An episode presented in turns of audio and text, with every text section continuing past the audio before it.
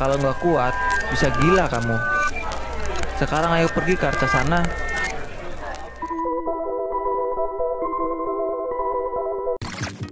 Selamat malam, selamat siang, atau selamat pagi. Kembali lagi bersama mahasiswa siluman. Yang kali ini akan menceritakan kisah pendaki yang mendaki Gunung Arjuno via Purwosari. Di mana jalur ini sering dihindari para pendaki karena terkenal kemistisannya. Karena di setiap pos, pasti kita akan berjumpa dengan makam dan tempat pemujaan. Bagi para pendaki yang suka dengan tantangan, mungkin bisa dicoba lewat jalur ini. Pada kisah kali ini, sebut saja Wahyu Subuh, mendaki bersama dua temannya, Osi dan Mamat, yang mengalami banyak kejadian aneh, seperti bertemu banyak penduduk desa yang konon desa itu telah hilang dan hancur karena musibah.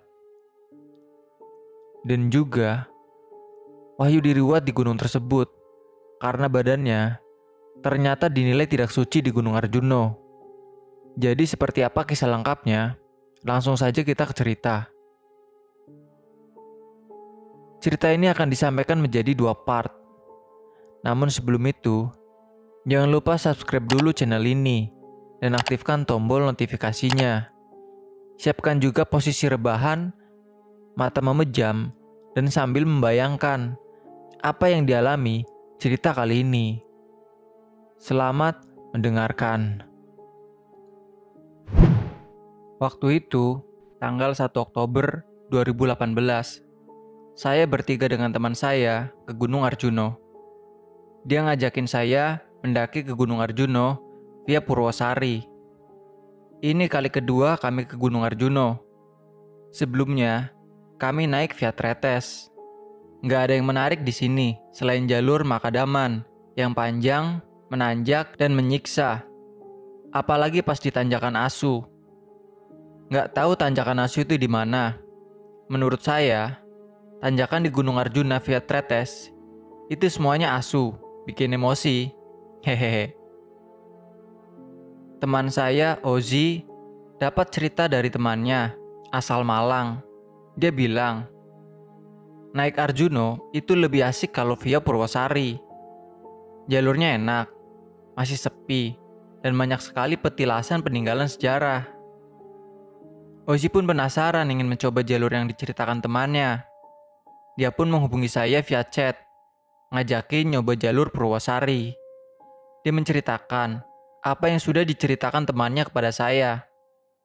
Karena hasutan dan bujukan rayuan dari dia, saya pun setuju untuk ikut.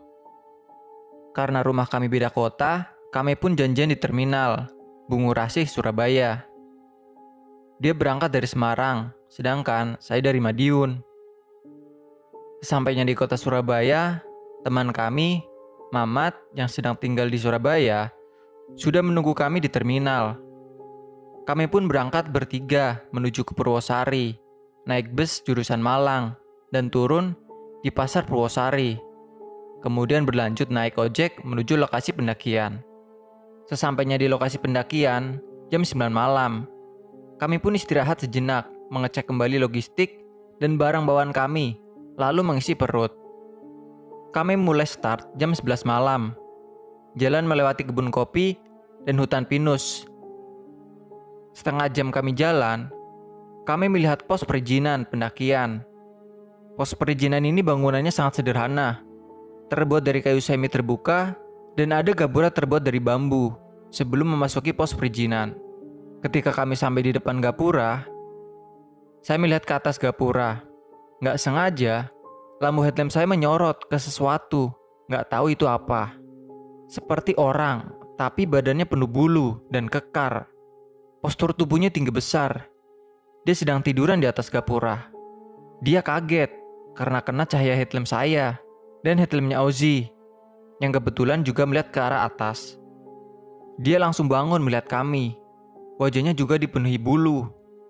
Tahu kerak sakti kan? Nah, hampir mirip kayak gitu. Dia langsung bangun dan melompat ke atas pohon cepat sekali. Saking cepatnya, daun yang senggol sama dia sampai nggak gerak. Lalu kami break di pos perizinan sambil ngurus izin pendakian. Mamat daftar ngurus perizinan, sedangkan saya dan Osi duduk di balai-balai yang terbuat dari bambu. Yuk, kamu tadi tahu di atas gapura tadi ada apa? Tanya Ozi. Apaan ya itu? Masa lutung? Saya pun balik bertanya. Masa lutung segede manusia? Ujar Ozi. Terus, itu apa? Kayak keras sakti ya? Hehe, jawabku. Hmm, nggak tau lah. Itu apa? Semoga saja nggak ada apa-apa. Berangkat pulang kita selamat, ujar Ozi. Jangan cerita ke Mamat, dia kan parnoan. Kalau ngerute malam nanti heboh, geger, malah merepotkan. Nih udah selesai registrasi. Ini gimana? Lanjut apa break dulu? Tanya Mamat. Break aja dulu. Minum teh panas dulu, dingin banget soalnya. Jawab Bosi. Kami pun beristirahat di sini setengah jam. Kemudian, melanjutkan perjalanan jam 12 malam. Satu jam kami berjalan, sampailah kami di tempat yang bernama Gua Ontoboga. Tempat ini begitu gelap dan sepi. Hanya ada beberapa ekor anjing yang tiba-tiba menggonggong saat kami lewat. Kami jalan menelusuri tempat ini. Di sini ada bangunan seperti rumah, mungkin tempat orang-orang berziarah. Lalu ada bangunan terbuka dengan cungkup di atasnya. Di dalam bangunan itu ada lubang yang tidak terlalu lebar, mungkin cukup untuk satu orang. Di depan gua itu ada bunga-bunga dan sesajen, juga dupa. Di sini bau wangi dupa sangat menyengat, asli bikin merinding. Gua Ontoboga ini berdasarkan nama tokoh pewayangan. Dia adalah dewa berwujud naga yang menguasai dasar bumi. Dengan suasana yang sedikit horor, kami nggak ingin berlama-lama di sini. Kami pun melanjutkan perjalanan kembali. Satu setengah jam kami berjalan, sampailah kami di pos 2 Tampuono. Di sini juga, banyak sekali bangunan shelter, dan lagi-lagi, bau dupa begitu menyengat. Di sini juga ada anjing. Heran banyak banget di tempat ini ada anjingnya. Eh saudara, break di sini yuk. Besok aja lanjutnya. Aku udah ngantuk, ujar Mamat. Shh, ada suara orang batuk, kata Ozi. Mana suara orang batuk? Nggak ada, jangan aku nakutin dong, jar Mamat. Iya, ada suara. Kayaknya dari shelter depan itu, kataku. Assalamualaikum, ujar Ozi. Namun tidak ada jawaban. Assalamualaikum. Osi mengulangi ucapannya lagi. Waalaikumsalam. Tiba-tiba, ada yang menjawab salamnya Ozi dari arah belakang. Kami pun kaget, karena ada seseorang berdiri di belakang kami. Eh, Pak, ujar Ozi. Mau naik toleh? Tanya bapak itu. Iya, Pak. Tapi ini mau ngecamp di sini. Teman saya sudah kecapean. Jawab Ozi. Ngecamp di shelter sana aja loh, bareng sama saya. Gak usah mendirikan tenda, gabung aja sama saya. Di dalam sana banyak orang-orang teman-teman saya juga. Oh iya pak, ini bapak apa juga mau ke puncak? Tanya Ozi. Enggak, saya nyepi di sini. Paling naik ya cuma sampai Mahkutoromo, lalu turun lagi. Saya sudah tiga minggu di sini. Jawab bapak itu. Kami pun masuk ke dalam shelter. Kami diberi mie instan dan kopi sama bapak itu. Selesai makan, kami pun tidur. Esokan harinya, kami melihat-lihat Tampuono ini. Di sini, enak banget, tempatnya bersih, asri, karena ada banyak pohon-pohon besar, dan di belakang shelter ada kebun kopi. Ada beberapa petilasan juga di sini.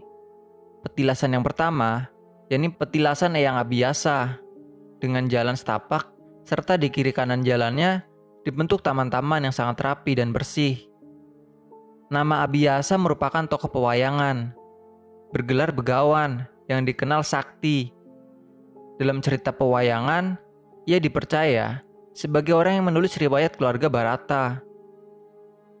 Tak jauh dari petilasan yang Abiyasa, terdapat pula sendang Dewi Kunti yang konon jika airnya diminum dapat memberikan keluhuran jiwa serta selalu ingat yang kuasa. Di sini juga terdapat beberapa pondokan. Dewi Kunti dalam dunia pewayangan merupakan ibu dari Pandawa lima. Heh, gak ingin mandi di sini? Katanya kalau mandi di sini bisa awet muda, ujar Rosi. Masa iya? Ayo bro, mandi biar awet muda, kataku. Males nggak butuh awet muda aku. Yang aku butuhin itu sendang yang bisa merubah wajahku jadi tampan. Jawab Mamat. Jir, jelekmu sudah mendarah daging, nggak bisa dirubah lagi. Umpama operasi plastik, butuh satu ton plastik bekas, kata Ozi. Mulutmu itu, kok menyebalkan sekali. Emang wajahku tempat sampah apa? Jawab Mamat. Udah ayo buruan ngambil air. Aku mau cuci muka. Kali aja bisa cantik tambah muda. Jadi dede gemes, ujarku. Kami pun mengisi botol air kami dengan air sendang. Dan mencuci muka tangan dan kaki di pancuran. Setelah itu, kami kembali ke shelter, lalu packing, dan melanjutkan perjalanan. Pak, kami mau pamit, mau jalan lagi. Soalnya, takutnya nanti keburu panas, kata Mamat. Iya nak, hati-hati.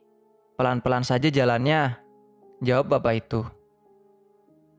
Setelah berpamitan dengan mereka, kami pun melanjutkan perjalanan.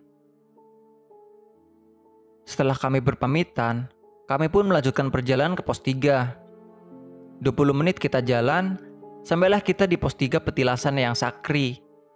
Pos yang mempunyai sebuah halaman luas dengan sebuah bangunan rumah yang terkunci rapat. Dapat saya perkirakan, jika di dalamnya mungkin sebuah makam atau arca dari Yang Sakri itu sendiri. Kami break beberapa menit di sini dan kembali melanjutkan perjalanan. Dari Yang Sakri ini, trek mulai nanjak, cukup bikin ngos-ngosan. Pepohonan di sini juga mulai rapat. Cahaya matahari pun tidak bisa masuk, terhalang dedaunan. Kami pun tiba di pos bayangan Pondok Rahayu. Tempat ini begitu asri, sejuk dan enak kami break lagi di tempat ini. Pondok Rahayu ini seperti bangunan kuno, sedikit menyeramkan. Udah kayak rumah hantu aja gitu. Ditambah lagi, letaknya di tengah hutan. Saya nggak tahu apa fungsinya bangunan ini. Kata teman saya, dia pernah bercerita tentang Pondok Rahayu ini. Katanya, dulu tahun 2000-an, maaf, saya lupa tepatnya 2000 berapa. Ada temannya yang hilang di lokasi ini dan sampai sekarang belum juga ditemukan jasadnya. Teman saya Ozi masuk ke dalam pondok itu. Karena saya juga penasaran dengan apa yang ada di dalam pondok itu, saya pun juga ikut masuk. Di dalam pondok ini sangat bersih, bahkan hampir tidak ada kotoran sama sekali. Awal masuk pondok ini itu dingin gitu, tapi lama-lama atmosfernya jadi nggak enak. Kalau dilihat sekilas, nggak ada apa-apa di sini. Cuman bangunan kosong aja. Kira-kira 10 menitan, kami berada di dalam pondok ini, kami pun keluar. Hawanya nggak enak ya di dalam sana. Ini bangunan buat apa ya? Tanyaku. Iya bu, teman saya Ozi ini memang lebih sering memanggil saya subuh daripada manggil Wahyu. Iya bu, kalau menurutku sih tempat ini itu dulu dibuat padepokan Belajar silat kayak gitu loh bu. Kayaknya sih. Menjawab Ozi Emang di dalam sana itu kalau dilihat sekilas Seperti biasa aja. Nggak ada yang aneh. Tapi sebenarnya Di dalam situ loh bu Sebelah selatan mentok pojok Yang ada kayak rak-rakan itu loh. Di bawah sana itu Ada sesuatu Seperti tempat buat muja. Ada dupa-dupanya. Kalau yang nggak tahu gitu Biasa diinjak karena nggak kelihatan Jawab Ozi. Teman saya Ozi ini, dia memang sensitif pada hal-hal yang tak kasat mata. Kami pun menyempatkan mengambil foto di depan pondok rahayu ini. Pas giliran saya yang difoto sama Ozi, pertama itu pondoknya kelihatan. Tapi saya yang berdiri di depan pondok nggak kelihatan. Kayak nggak ada orang. Kok aneh ya, Bu? Kamu kok nggak ada di foto? Hanya kelihatan pondoknya aja. Ujar Rozi sambil memperlihatkan jepretannya. Hi, iya, kok aneh ya? Ujarku. Sebentar, coba diulang. Mungkin ini karena masih memproses. Terus HP-nya aku geser. Jadi kamu jadi hilang. Jawab Ozi. Kami pun mengulangi mengambil foto di depan pondok dua kali. Namun, masih tetap sama. Dan yang ketiga kali, akhirnya gambarku ada. Setelah itu, kami bergegas melanjutkan perjalanan. Treknya nanjak terus, bikin dengku lemes. Dan sampailah kami di pos 4, petilasan yang semar. Konon, katanya, merupakan tempat moksa atau menghilangnya Eyang Semar yang merupakan penasihat kepercayaan Raden Arjuno. Ada sebuah arca berselimut kain putih yang menghadap ke timur yang dipercaya sebagai perwujudan yang semar itu sendiri. Kami pun break lagi di sini melepas lelah. Kami melihat arca-arca yang semar ini.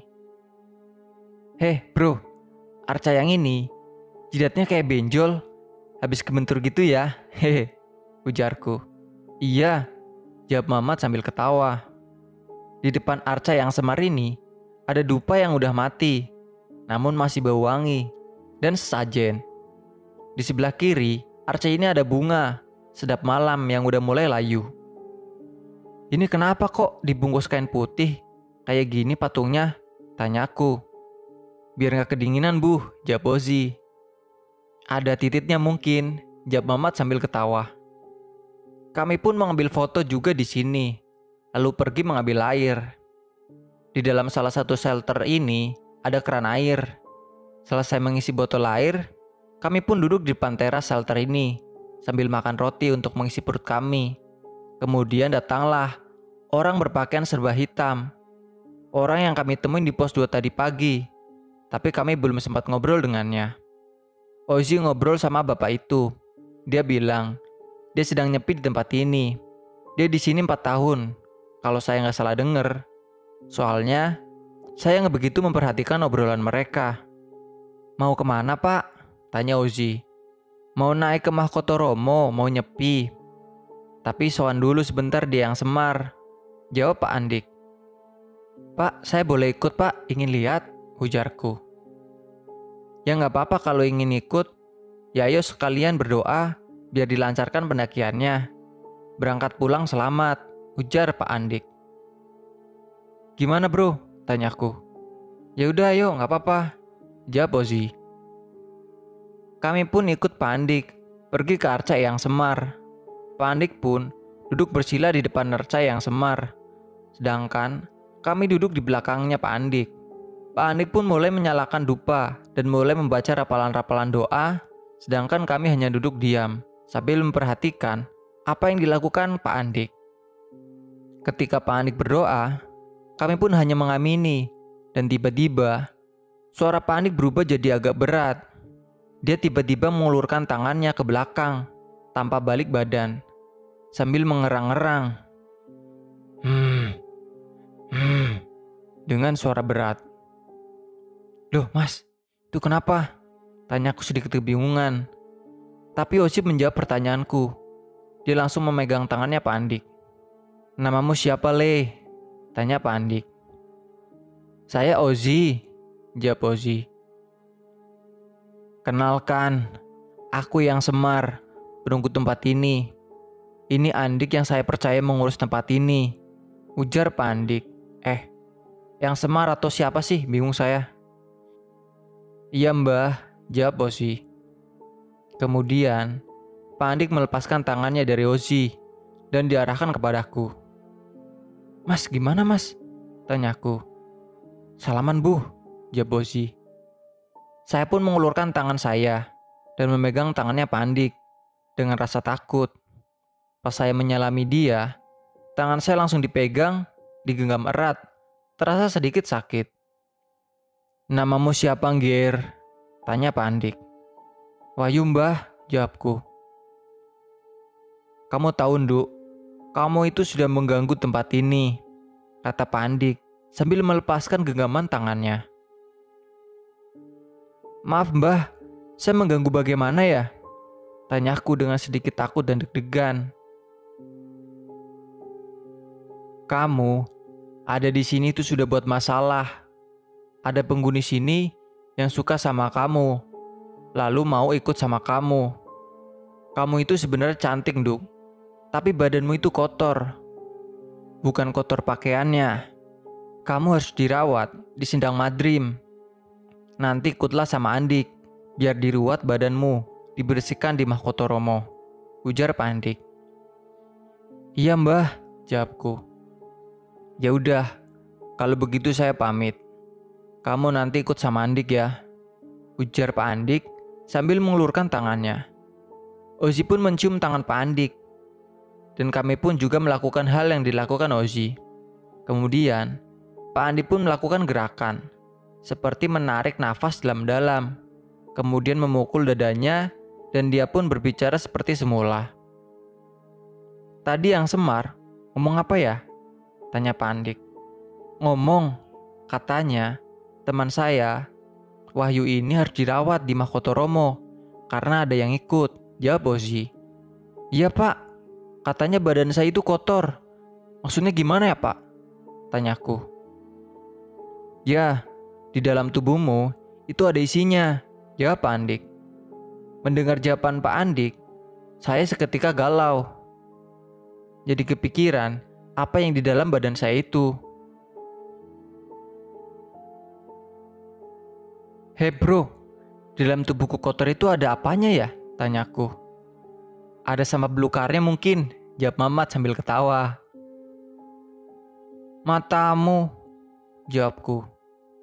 Udah gak usah dipikir, bapaknya itu mungkin cuma mengada-ngada. Gak ada apa-apa sebenarnya, ujar Rozi. Iya toh, Tanyaku. Iya. Ya udah nggak usah dipikir kalau kamu mikirin terus. Lamun malah bisa kesurupan nanti, ujar Rozi. Kami pun terus jalan mengikuti Pak Andik yang jalan begitu cepat. Jalanan kembali menanjak tajam dengan kemiringan yang curam. 30-45 menit perjalanan yang harus ditempuh hingga pendaki tiba di sebuah pelataran luas dengan sebuah punden berundak yang berada tepat di tengah-tengah. Kibaran bendera berwarna hijau nampak menghiasi punden ini. Sesaji dan dupa pun berderet mengelilingi punden yang nampak sangat keramat ini. Konon, di punden inilah dahulu Dewa Wisnu sering melakukan pertapaan. Di tempat ini juga, tempat turunnya Wahyu Mahkotoromo, dan tempatnya Raden Arjuno bertempur dengan Adipati Karna, dan para Kurawa memperebutkan Wahyu Makoto Romo yang dimenangkan oleh Raden Arjuno. Wahyu Makoto Romo sendiri adalah wahyu yang akan diturunkan dari langit untuk bekal raja untuk mengatasi kondisi negara yang sedang mengalami bencana dan malapetaka. Segala tatanan negara sedang semerawut untuk menciptakan perdamaian. Karena di tempat inilah konon Wahyu Makoto Romo turun. Maka tempat ini dinamakan Mahkotoromo. Saya masih penasaran dengan ucapan Pak Andik yang mengatakan badan saya kotor. Kata-kata ini benar-benar mengganggu pikiran saya. Saya pun menanyakan hal itu lagi pada Pak Andik untuk lebih jelasnya. Pak, yang dimaksud badan saya kotor itu bagaimana ya? Ya, di dalam badanmu itu ada isinya, entah apa itu. Diisi dari mbahmu Entah itu dari moyangmu dulu. Gara-gara itu, di sini ada yang mau ikut sama kamu karena menyukai kamu, ujar Pandik. Mendengar jawaban Pak Andik, seketika saya teringat dengan kakek saya yang meninggal beberapa waktu yang lalu. Dulu, beliau waktu muda pernah mempelajari ilmu kejawen. Kakek saya pernah mengalami mati suri. Ketika itu beliau sakit kemudian meninggal. Ketika sedang menunggu waktu mau dimandikan, kakek saya tiba-tiba menggaruk-garuk pantat, kemudian bangun, lalu jalan ke kamar mandi, pipis, kemudian bertanya pada orang-orang, "Ada apa kok rame-rame?" Orang-orang yang pada ngelayat auto bingung. Setelah mengalami mati suri itu, kakek saya jadi sedikit aneh. Pernah suatu ketika, beliau mengajak saya main ke alun-alun. Mau ke mana mbah? Udah sore, ayo masuk, ujarku. Ayo pergi ke alun-alun, kata kakekku. Duh, ngapain ke alun-alun toh mbah? Tanyaku. Mau nyari cewek yang pantatnya besar, jawab kakekku. Jir, seketika saya dan orang tua saya akak mendengar jawaban kakek saya. Ibu saya pun membujuk kakek saya untuk masuk ke dalam rumah. Kakek saya selalu bicara yang aneh-aneh ketika sedang bersama saya. Beliau meminta saya untuk menjaga temannya. Beliau selalu saja bicara hal itu pada saya. Kadang saya itu dengan kehaluan kakek saya. Mungkin karena merasa khawatir dengan kakek saya, bapak saya pun mencarikan kiai dan orang-orang yang paham dengan dunia supranatural. Saya tinggal di kosan. Enam bulan kemudian, saya mendengar kabar dari adik saya kalau kakek saya meninggal.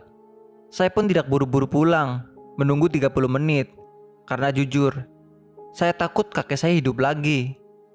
Saya pun kembali menelpon adik saya lagi.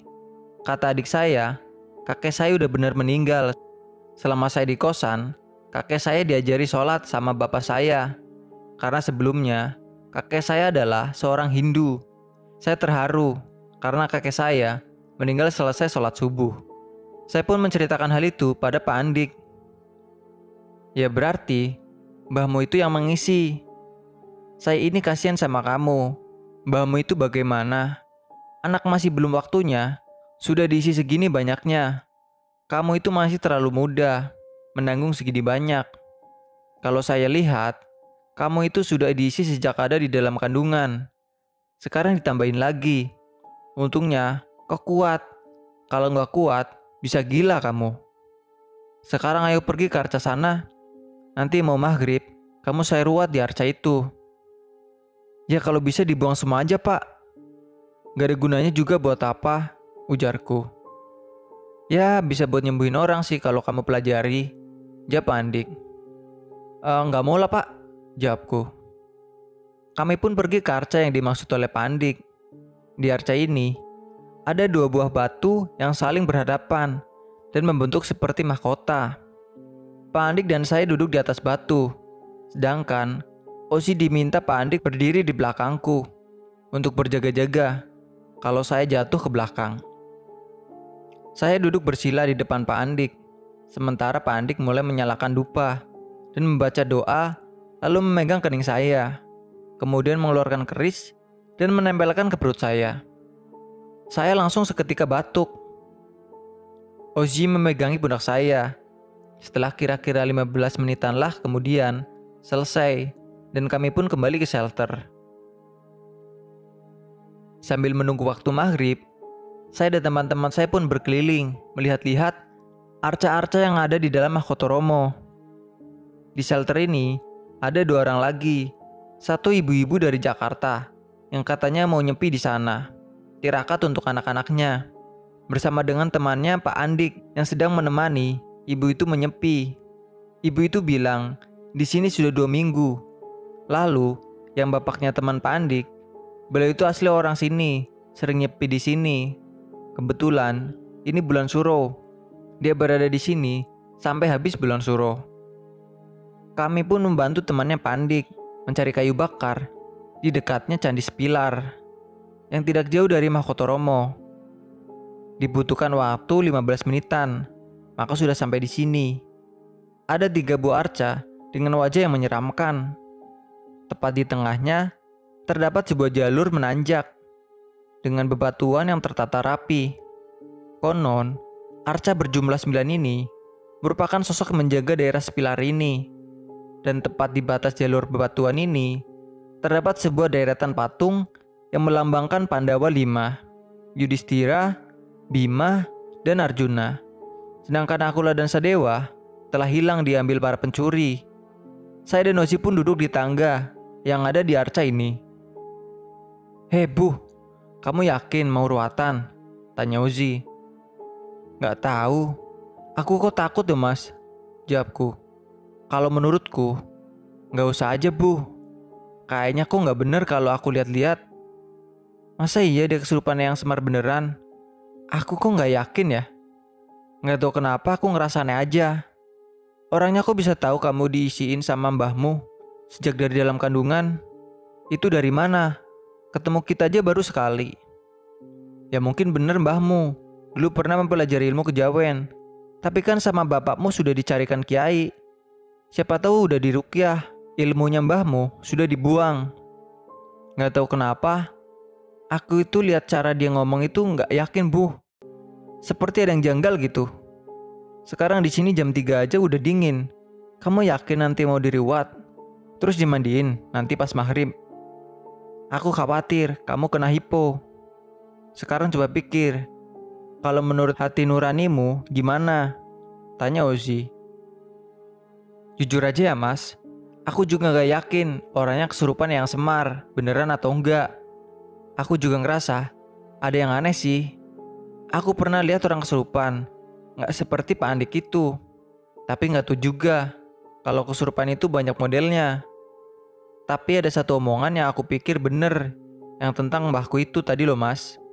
Aku takut kalau ternyata Disi beneran. Aku nggak mau kalau seperti mbahku mau meninggal saja susah. Aku juga nggak yakin kuat mandi sore-sore di gunung apa enggak. Ah bingung, jawabku. Udah lakuin aja biar cepet selesai daripada ribet. Entah itu bener atau enggak. Doaku selalu menyertaimu saudaraku. Ujar Mamat sambil menepuk-nepuk pundakku. Matamu, Mat, jawabku. Lah, kan daripada ribet, kalau aja habis dimandiin, kamu sakti saudara. Ujar Mamat sambil ketawa. Ngomong lagi, aku sobek-sobek mulutmu loh, kataku. Mamat pun tertawa sambil pergi ninggalin kami. Dia mulai asik berfoto dan bikin video alay. Eh mas, itu ada perempuan pakai baju pink. Siapa ya? Di hutan kok pakai gaun? Gak salah kostum. Mas itu ukti tapi kok ngehijab?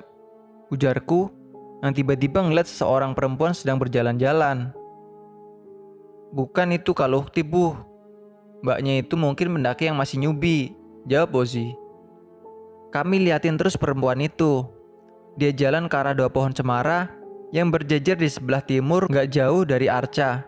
Dia pun jalan ke arah situ dan pandangan kami terhalang pohon cemara. Kami lihatin terus perempuan itu, tapi nggak muncul lagi. Yang muncul malah orang. Semakin lama semakin banyak. Buh, kok banyak orang mondar mandir di sana? Lihat nggak kamu? Ujar Rosi. Ah, banyak tadi ke mana ya? Kok nggak keluar-keluar? Tanyaku. Gak tahu juga eh. Jawab Rosi. Tiba-tiba temannya Pandik, maaf saya lupa namanya, Ikut kita duduk di tengah sepilar setelah keluar dari semak-semak. Sedangkan Mamat masih asik bikin video alay. Pak, itu kayunya udah diikat, ujar Rosi. Iya le, nanti dibawa ke shelter. Jawab temannya Pak Andik. Pak, di sini kok banyak orang modern mandir? Kata Ozi. Kamu kelihatan toleh? Tanya temannya Pak Andik. Nggih pak, jawab Bosi. Emangnya kenapa pak? Itu kan emang banyak orang. Tanyaku. Di sini tuh, dulu, katanya, tempat ini ada desanya. Terus hancur karena musibah. Pohon cemara dua yang berdampingan itu gerbangnya. Jadi ya nggak heran kalau kamu melihat banyak orang di sini. Ujar temannya Pandik. Oh alah gitu ya pak. Pak, kalau pas di sini sendirian, Enak dong pak, banyak tetangganya. Kata Ozi sambil ketawa. Iya banyak tetangganya, banyak temannya, tapi nggak bisa diajak ngomong. Jawab temannya Pandik. Kami pun menceritakan kepada temannya Pandik, kalau kemarin malam, kami bertemu seseorang yang seluruh badannya dipenuhi bulu dan wajahnya sedikit mirip kera. Kata temannya Pandik, gunung ini memang ditunggu oleh keturunannya Hanuman dan Bambang Wisanggeni yang merupakan anak dari Arjuna dengan Batari Dresanala. Pada ngomongin apa sih ini? Tanya Mamat. Kepo lu, jawabku. Sudah ayo balik, udah sore, ujar temannya Pandik. Kami pun kembali ke shelter. Mama dan Nosi membawakan kayu bakar milik temannya Pandik. Pas sampai di shelter, saya dipanggil sama Pandik. Duk, ayo saya ruat, udah sore. Buruan, siap-siap kamu. Nanti baju yang habis dipakai, mending dibuang aja. Udah jangan dipakai lagi. Saya tunggu di pemandian ya. Ujar Pandik. Aduh, mati. Tolongin aku dong bro. Aku nggak mau diruat. Mas, Mas Ozi.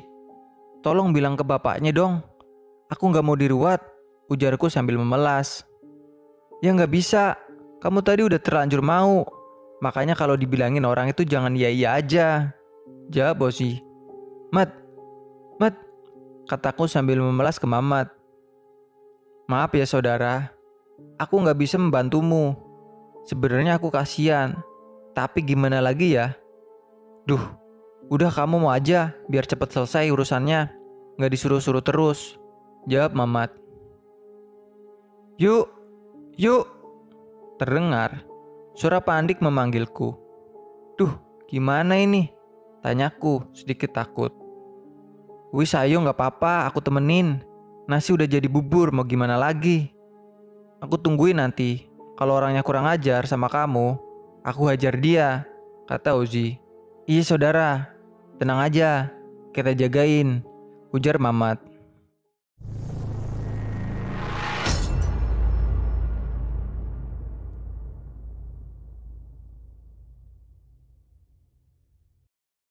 Ini apa ya?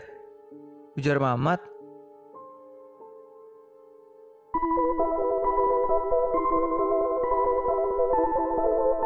Selamat malam, selamat siang, atau selamat pagi. Bertemu lagi bersama mahasiswa siluman. Bagaimana kabar kalian? Sehat kan? Di video kali ini akan melanjutkan cerita sebelumnya, yaitu kisah pendakian si Wahyu, Ozi, dan Mamat saat mendaki Gunung Arjuno via Purwosari yang terkenal mistis. Karena jalur tersebut banyak melewati situs sejarah. Di mana di part 1 Wahyu akan diruat di Gunung Arjuno. Tapi dia sedikit tidak mau karena beberapa alasan. Jadi bagi yang belum nonton, tonton dulu ya part satunya agar mengetahui keseluruhan ceritanya. Oke, langsung saja ke cerita. Tapi jangan lupa untuk subscribe dulu channel Mahasiswa Siluman dan aktifkan tombol notifikasinya. Siapkan tempat dan suasana yang nyaman untuk menemani istirahat kalian. Selamat mendengarkan. Saya pun menghampiri Pak Andik, ditemani Osi dan Mamat. Sesampainya di pemandian, Pak Andik baca doa. Lalu saya dimandiin air kembang sama Pak Andik. Masya Allah. Hmm, Langsung otak saya berasa beku. Marib-marib, di atas gunung gak mandi aja udah dingin. Ini malah dimandiin airnya kayak es lagi. Udah gitu, dikeramasin lagi. Langsung kaku semua rasanya badan saya. Yuh, aduh pak, udah pak. Ujarku, baru aja satu guyuran. Sebentar, udah gimana?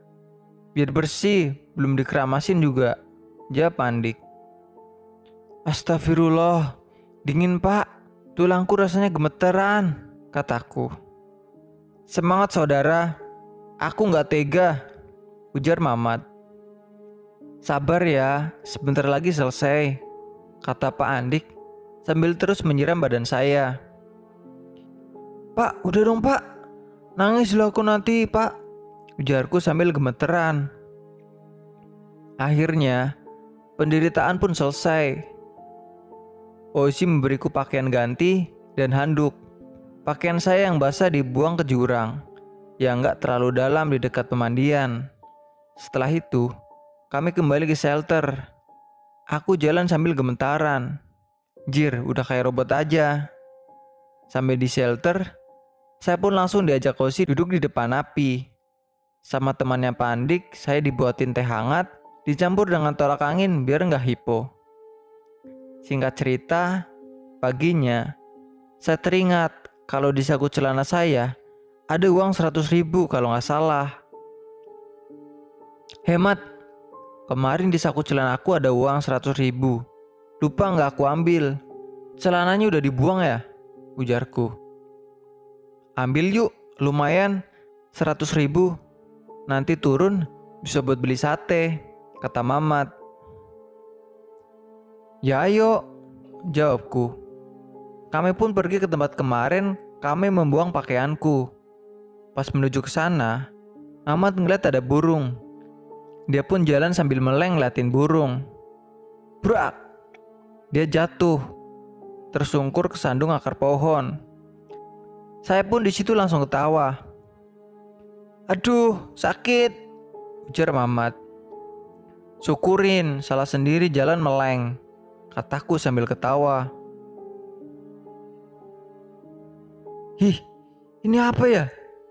Ujar Mamat sambil ngeliatin tangannya yang kotor. Hendeng, itu tai itu. Ih, kataku. Moso sih tai? Tanya Mamat sambil mencium tangannya. Hei, iyo tai cok. Kata Mamat sambil diusapkan tangannya ke tanganku. Kurang ajar, ngapain gak ngusapin ke aku? Ujarku sambil menjambak rambutnya. Aduh sakit goblok. Biar sama-sama ngerasin baunya. Hehehe. Menjijikan. Tanya siapa sih ini? Tanya Mamat. Nggak tahu, Mat. Jawabku, sambil jalan ninggalin dia pergi ke pemandian untuk cuci tangan. Mamat pun mengikutiku, jalan di belakangku.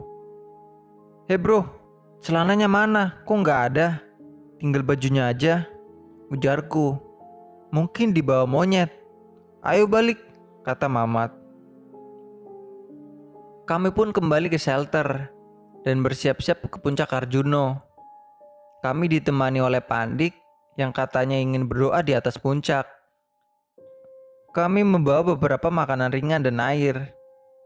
Persiapan pun selesai, dan dari Mahkotoromo, kami memulai perjalanan kami menuju ke Candi Sepilar. Kami menaiki tangga-tangga yang sebelumnya kami duduk di tempat ini. Candi Sepilar ini dikawal oleh sembilan arca yang menggambarkan raksasa yang sedang mengawal Pandawa. Suasana angker dan menyeramkan sangat terasa. Kami berjalan meniti jalan setapak yang dikelilingi patung-patung buto. Katanya sih, di sepilar inilah juga terdapat pasar setan atau pasar dieng, seperti halnya di Gunung Lawu atau Gunung Merbabu. Ih, merinding lewat sini. Menakutkan wajah patungnya Gak santu sekali. Pada menyebalkan semua. Kayak mau ngajak tawuran. Ujar Mamat. Kapan kamu gak merinding itu, Mat? Perasaan kamu itu merinding terus. Kamu ingat, pas diputuk lesung, dirimu kebelut boker. Padahal aku cuma ngomong genderuwo. Terus aku tinggalin sembunyi. Kamu lari, sampai celanamu belum dinaikkan. Lari sampai jatuh-jatuh. Ujarku sambil ketawa. Kaget goblok. WC-nya yang horor. Emang dirimu itu teman Gitili. Celanaku belum aku naikkan. Tapi kan aku pakai sarung. Jawab Mamat sambil lonjok ke lenganku. Eleh, tarah. Kalian itu para kaum halu. Ujar Rozi sambil ketawa. Kami pun lanjut jalan menuju arah kanan, menyusuri satu bukit. Dan sampailah di Candi Besi. Katanya sih, dulu semasa Bung Karno masih muda dan belum menjadi Presiden Republik Indonesia, beliau sering ke Candi Besi ini.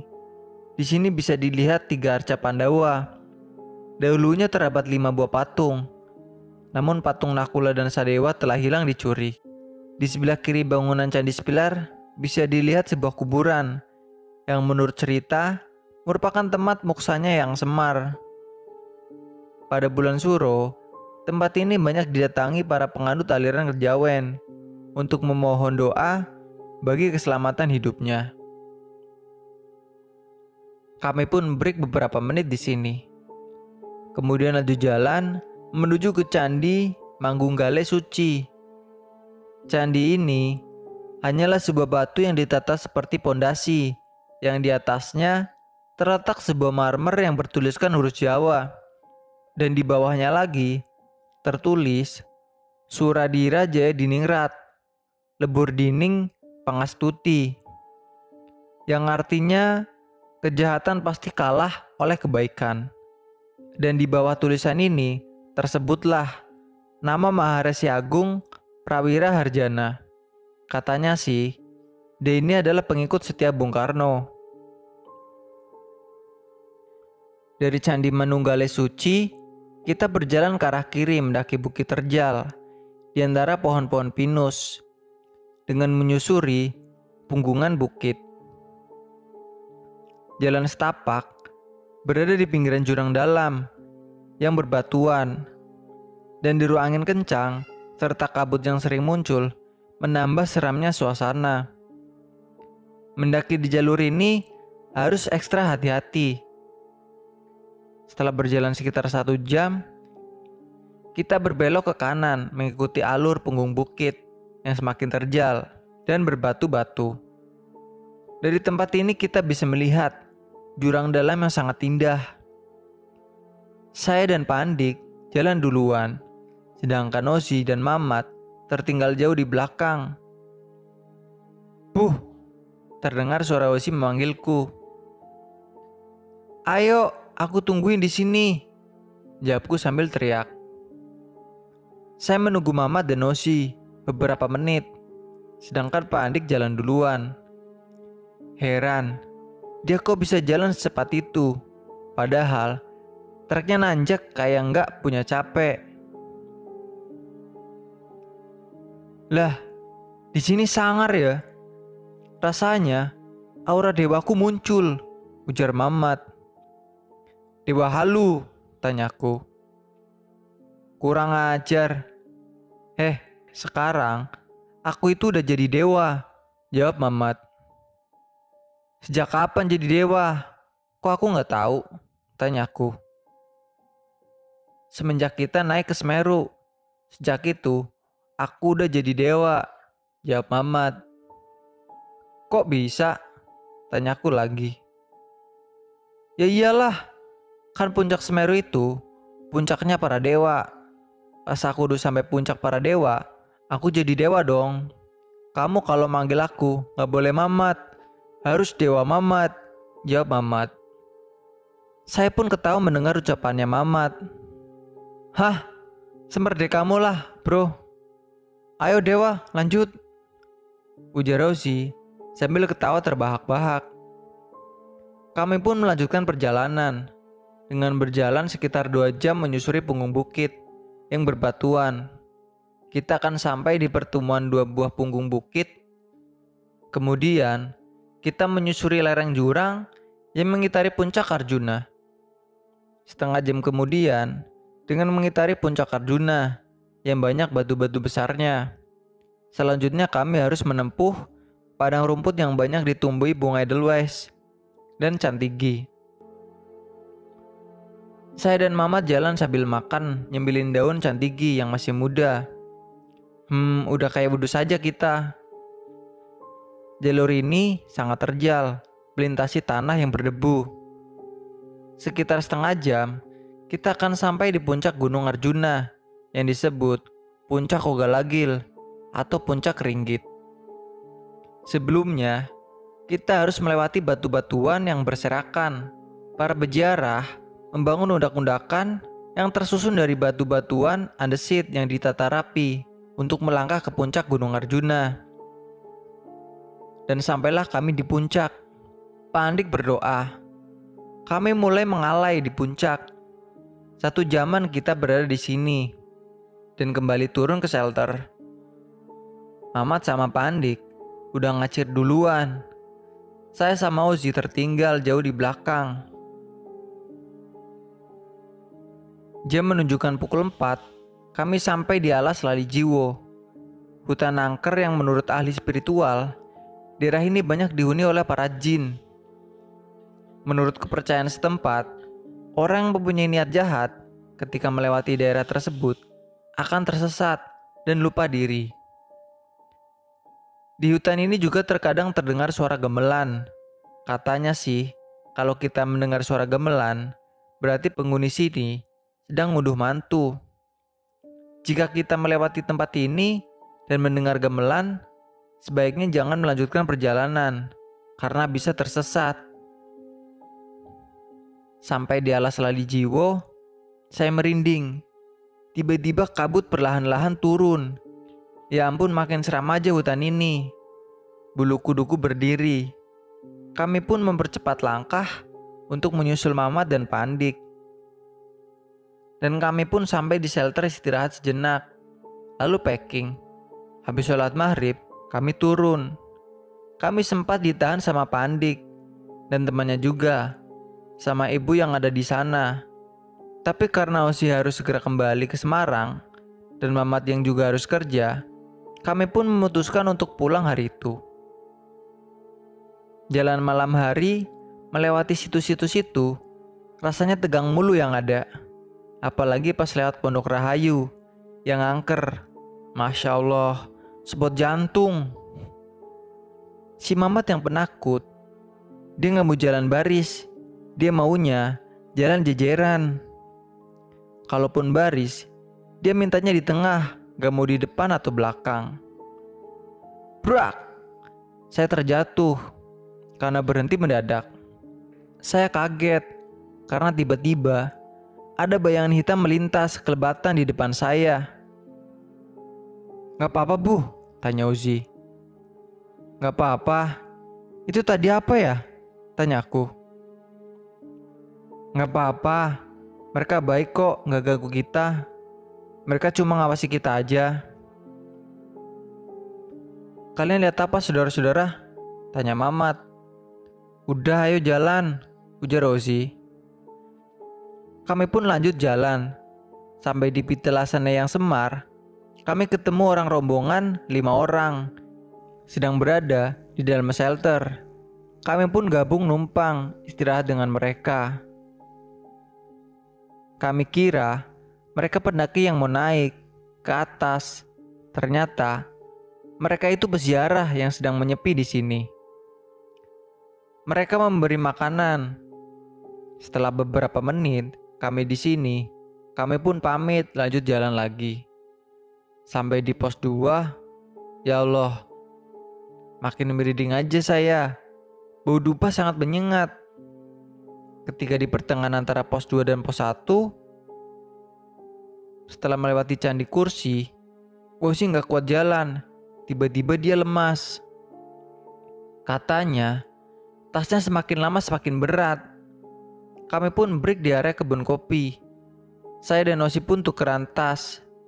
Dia bawa tas saya yang lebih ringan.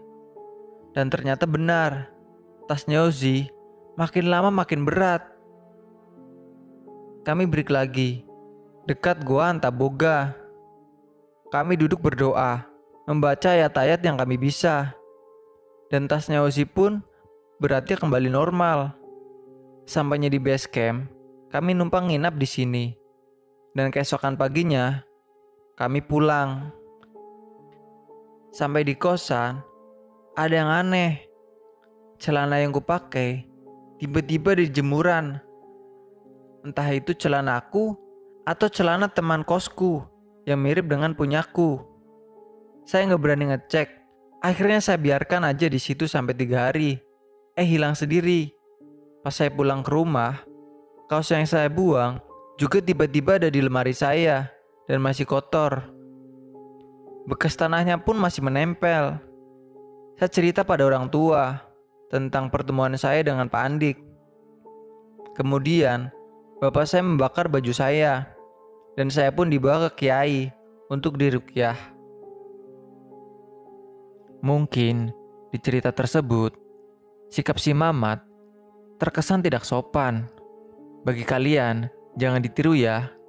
Kita harus tetap menjaga sopan santun dalam tindakan dan perkataan. Hindari tindakan-tindakan yang membuat kita bakal diganggu di gunung. Dan jika kalian punya cerita seram, seru atau mistis yang ingin kalian bagi, kalian bisa kirim cerita kalian melalui DM Instagram atau kirim melalui email yang tertera di bawah. Jangan lupa like dan share-nya. Jangan sampai jumpa di video kami selanjutnya. Salam lestari, mahasiswa siluman. Terima kasih sudah mendengarkan cerita ini.